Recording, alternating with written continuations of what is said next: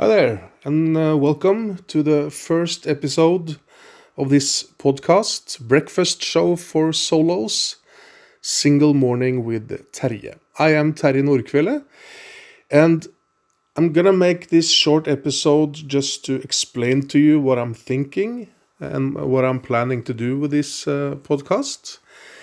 And uh, the next episodes will be the audio from the live broadcast on Facebook every morning, Monday to Friday, 7:30 Central European uh, time. So my name is Terje.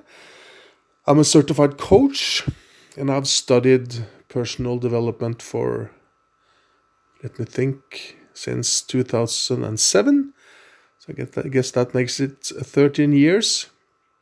I'm a single guy, and I got this crazy idea of what happens what will happen if I made a morning show for single people on Facebook.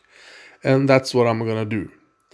So Monday to Friday I'm gonna post the the episode on the podcast plat- platform and the reason for that is maybe one people want to hear it while they're driving for for for example that makes it uh, easier so i will talk more about this on um, the first episode from the live broadcast.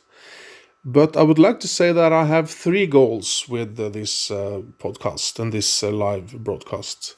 Number one, keeping single people company at breakfast. I get some company and they get some company. Of course, people who are not single are, of course, welcome to, to listen or uh, or to, to, to watch it. Of course, no no problem.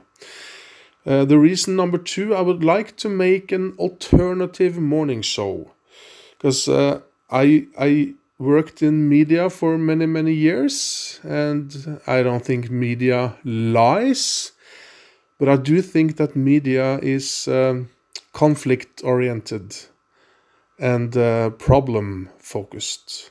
So I would like I I don't think the world is such a bad place as the media would like us uh, to believe.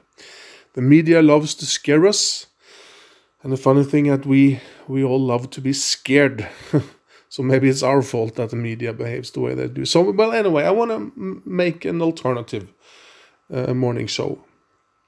That's number two, and uh, a positive start to the day. And number three, I will use this live broadcast as my own coach to get my own stuff uh, changed in my life. Because if I say on the air that I'm going to do this and that today, then I will have to answer for it the next day, right? So I, I better have some results to show for. So it's also going to help me to develop faster, I think. So that's the plan.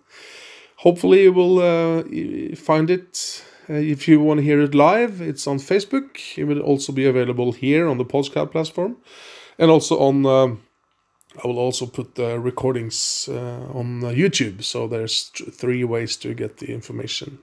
Thank you for your attention. Hope to uh, talk to you. Um, it's a it's a community based live show, so I hope people will join in and and contribute. Okay, thank you very much.